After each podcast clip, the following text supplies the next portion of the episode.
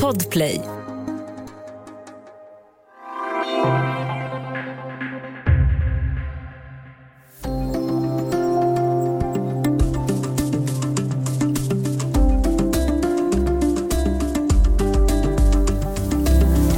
En explosion och sen ett strömavbrott. Men inte vilket strömavbrott som helst. Ett strömavbrott som drabbade hjärtat av Irans kärnvapenproduktion. De centrifuger som anrikar uran. Och den där sortens superkänsliga maskiner, de gillar inte att bli tvärt avstängda. Du lyssnar på Studio DN och jag heter Augustin Erba. Just nu pågår förhandlingarna mellan Iran och flera länder i väst om kärnenergiavtalet. Och mitt under förhandlingarna i lördags startade Iran igen sin anrikning av uran. Och så kom smällen. Och diverse källor menar att det är israelerna som ligger bakom sabotaget. DNs Mellanöstern-korrespondent Erik Olsson, välkommen till Studio DN. Tack. Eh, vad är kärnenergiavtalet? Jo, det går tillbaka, om vi tar det från början då, så var det för 20 år sedan, 19 år sedan, så avslöjade en iransk oppositionsgrupp att Iran eh, eh, håller på med ett hemligt eh, eh, kärnvapenprogram, alltså inte civilt eh, kärnteknik utan att ta fram kärnvapen. Och det här skapar ju en massa nervositet i väst eh, och eh, FN införde sanktioner. IAEA ville, alltså FNs atomenergiorgan, de ville eh, eh inspektera och kolla att Iran eh, rättade sig efter sanktionerna. Det här var en dragkamp som pågick då i ett tiotal år eh, tills eh, Ja, det var väl egentligen Barack Obama som, som bestämde sig att USAs förre president, att nu måste vi få någon ordning på det här. Nu, nu försöker vi, eh, nu drar vi ihop eh, länderna i FNs säkerhetsråd plus Tyskland. Och så försöker vi eh, eh få eh, eh med avtalsvägen nå en överenskommelse med Iran. Den träffades i juli 2015 och den går i korthet ut på att Iran slipper sanktioner i utbyte mot att man begränsar sitt kärnteknikprogram. Alltså att man, man går med på att man inte, eh, eh, att man inte ska eh, anrika uran så att det går att framställa eh, kärnvapen. Ja. Och sen så bytte USA president och fick Donald Trump istället. Och vad hände då? Ja, eh, Trump, han var ju besatt kan man säga av att riva upp internationella avtal som USA medverkade i och i synnerhet avtal som Obama hade träffat. Så att en av hans eh, första åtgärder det var att, att ensidigt gå, gå ur detta avtal då, som, som sex länder hade träffat. USA lämnade avtalet eh, 2018 tror jag det var. Och eh, ja, sen dess har, det, har Iran eh, då sakta men säkert eh, börjat anrika mer och mer Iran och frångått eh, de begränsningar man ålade sig själv. Ja, um, och, och, um, och så kom, fick vi ytterligare en ny president i USA uh, och då ändrades förutsättningarna igen. Uh, vad, vad, är det som, vad, vad var det som satte igång de nya förhandlingarna här? Ja, Biden, eh, Joe Biden, USAs nya president, han gick ut i val på att normalisera i någon mån i alla fall eh, förbindelserna med, med Iran. Eh, och han sa att ambitionen är att USA ska ställa sig bakom kärnenergiavtalet igen. Men det visade sig då vara lättare sagt än gjort, för iranerna är ju gramse då att, att, att USA hux flux lämnade avtalet och, och sen undrar de också med viss rätta får man väl säga då. Vad, om det kommer ytterligare nästa president, hur kommer han att göra? Kommer han att, att riva upp det här eh, avtalet igen? Så att de har varit lite motsträviga och de ställer egna krav nu och säger att eh, vi gör ingenting förrän USA avskaffar alla sanktioner. Mm. Um, så att eh, då har man ju då det så har man ju det, då är den, det en del av den politiska spelplanen. Men så får man ju inte glömma eh, Mellanösternpolitiken i botten. Eh, och eh, som jag sa i början så är ju israelerna då genast anklagade för det här sabotaget mot, mot kärnanläggningen. Men så då är ju frågan, eh, Erik, va, va, varför är israelerna inblandade i allt det här? Jo, den här kärnanrikningsanläggningen den gör många eh, nervösa eftersom, som vi sa då, teknologin kan användas till att framställa kärnvapen. Och eh, eh, Iran har ju i sin retorik mot Israel många gånger sagt då att vi ska utplåna eh, Israel från eh, jordens yta och så vidare. Då. Och självfallet så har man ju större möjligheter då att eh, sätta kraft bakom orden om man har kärnvapen. Så därför har, har Israel då, och, och det ska också sägas att Israel är tongivande politiker här, de är Eh, de är inte alls glada åt den här eh, morot. När det gäller morötter och piska så använder man ju internationella samfundet nu morötter. Israel vill se piska. Eh, Israel vill att, att man tar i med hårdhandskarna, hårdare sanktioner, man vill tvinga mer eller mindre Iran till underkastelse. Ja, um, och, det jag undrar är, um, den här, så, om man skulle dela upp det då i olika sidor, så här, Israel på ena sidan och Iran på andra sidan. Men var står resten av arabstaterna i, i, i den här liksom, konflikten? Ja, det är, det är lite komplicerat för att eh, nu har ju is, eh, Israel eh, har ju närmat sig eh, tongivande länder i, i Persiska viken som Förenade Arabemiraten och, och i viss mån också Saudi. Saudi är, är ju arvfiende, dödsfiende med Iran.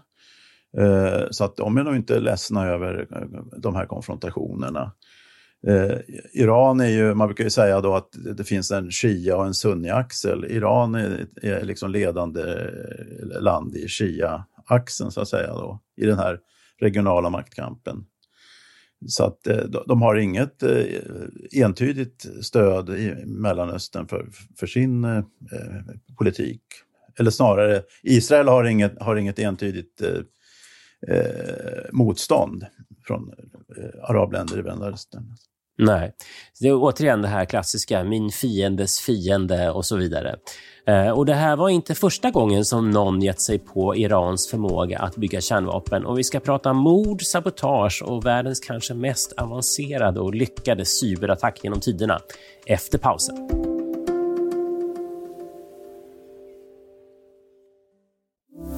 Välkommen tillbaka till Studio DN med Erik Olsson, DNs Mellanöstern-korrespondent. Och vi pratar om sabotaget mot Irans kärnvapenanläggning. Ehm, ska vi börja med explosionen då som inträffade häromdagen? V vad vet vi om den? Ja, man vet det att iranska medier har rapporterat om en eh, incident, en olycka eh, vid den här anläggningen då som ligger 30-tal mil söder om huvudstaden Teheran. Och eh, man har eh, efterhand då så har man sagt att det här är en israelisk eh, cyberattack och man har sen skärpt retoriken och kallat det för en terrorhandling.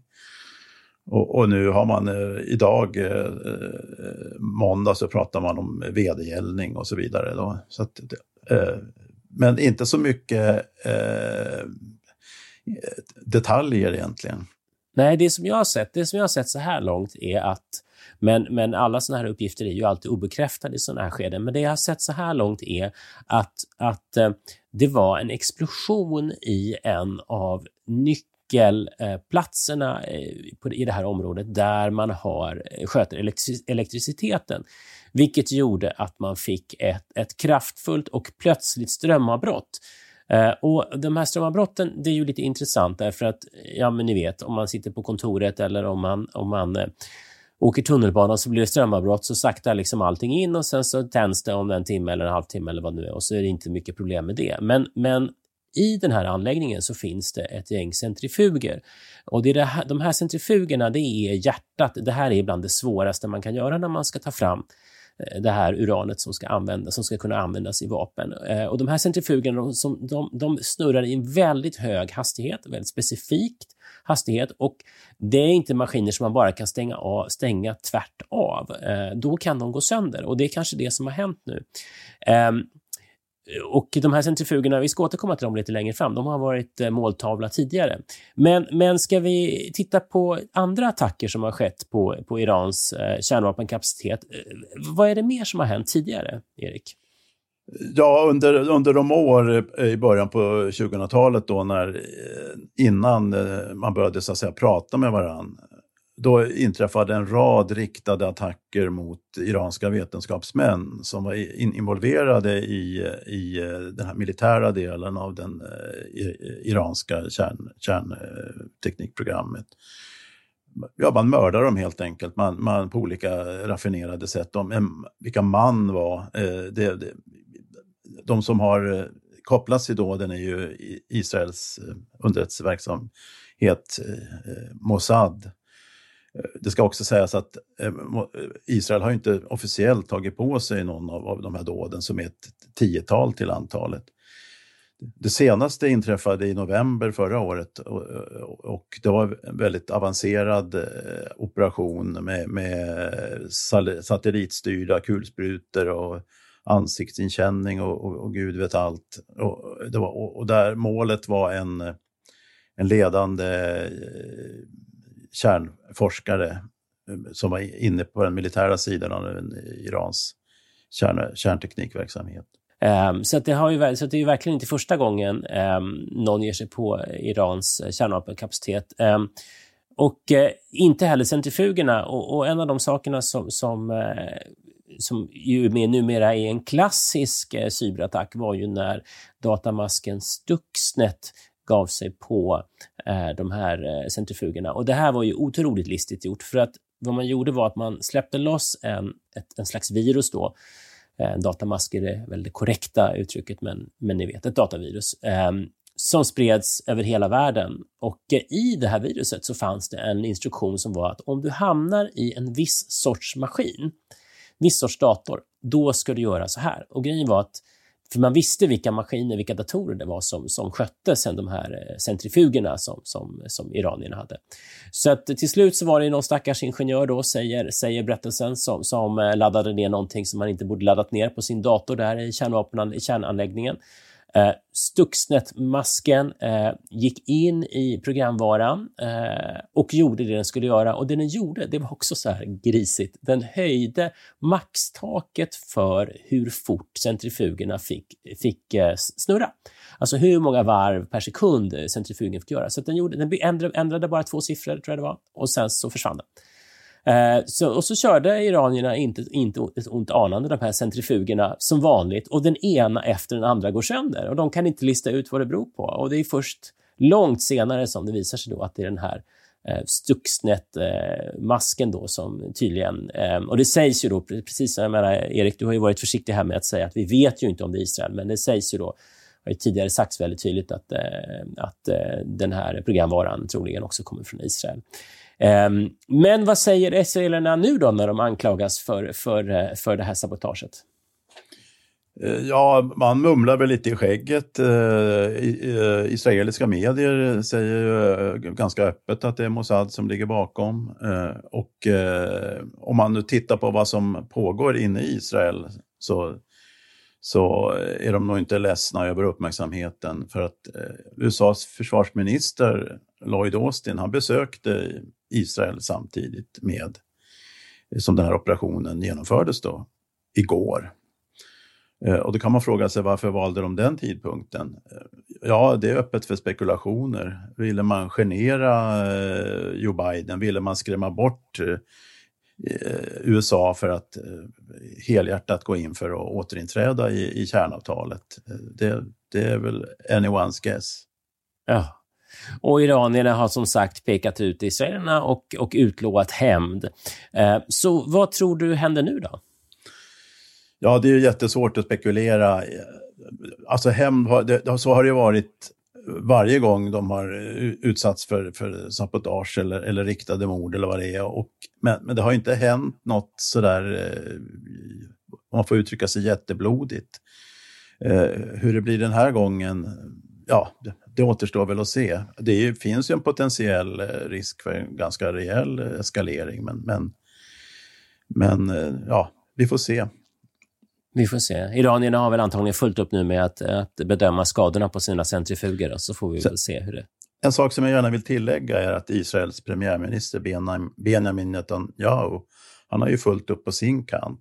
Han är inblandad i en rättsprocess eh, där han anklagats för att ha mutat eh, medier för att få bättre uppmärksamhet. Han, har, eh, han håller på att knyppla ihop en regering eh, efter senaste valet. Det går inte särskilt bra. Eh, kan det här vara ett sätt att, att rikta bort uppmärksamheten från, från besvärligheterna, de inrikes besvärligheterna? Det är en annan fråga man kan ställa. Ja. Eh, tack så mycket, Erik Olsson, DNs Mellanöstern-korrespondent. Studio DN det görs för Podplay av producent Sabina Marmelakai, ljudtekniker Patrik Miesenberger, teknik Oliver Bergman, Bauer Media och jag som har gjort programmet. Jag är också exekutiv producent och jag heter Augustin Erba. Vi hörs imorgon.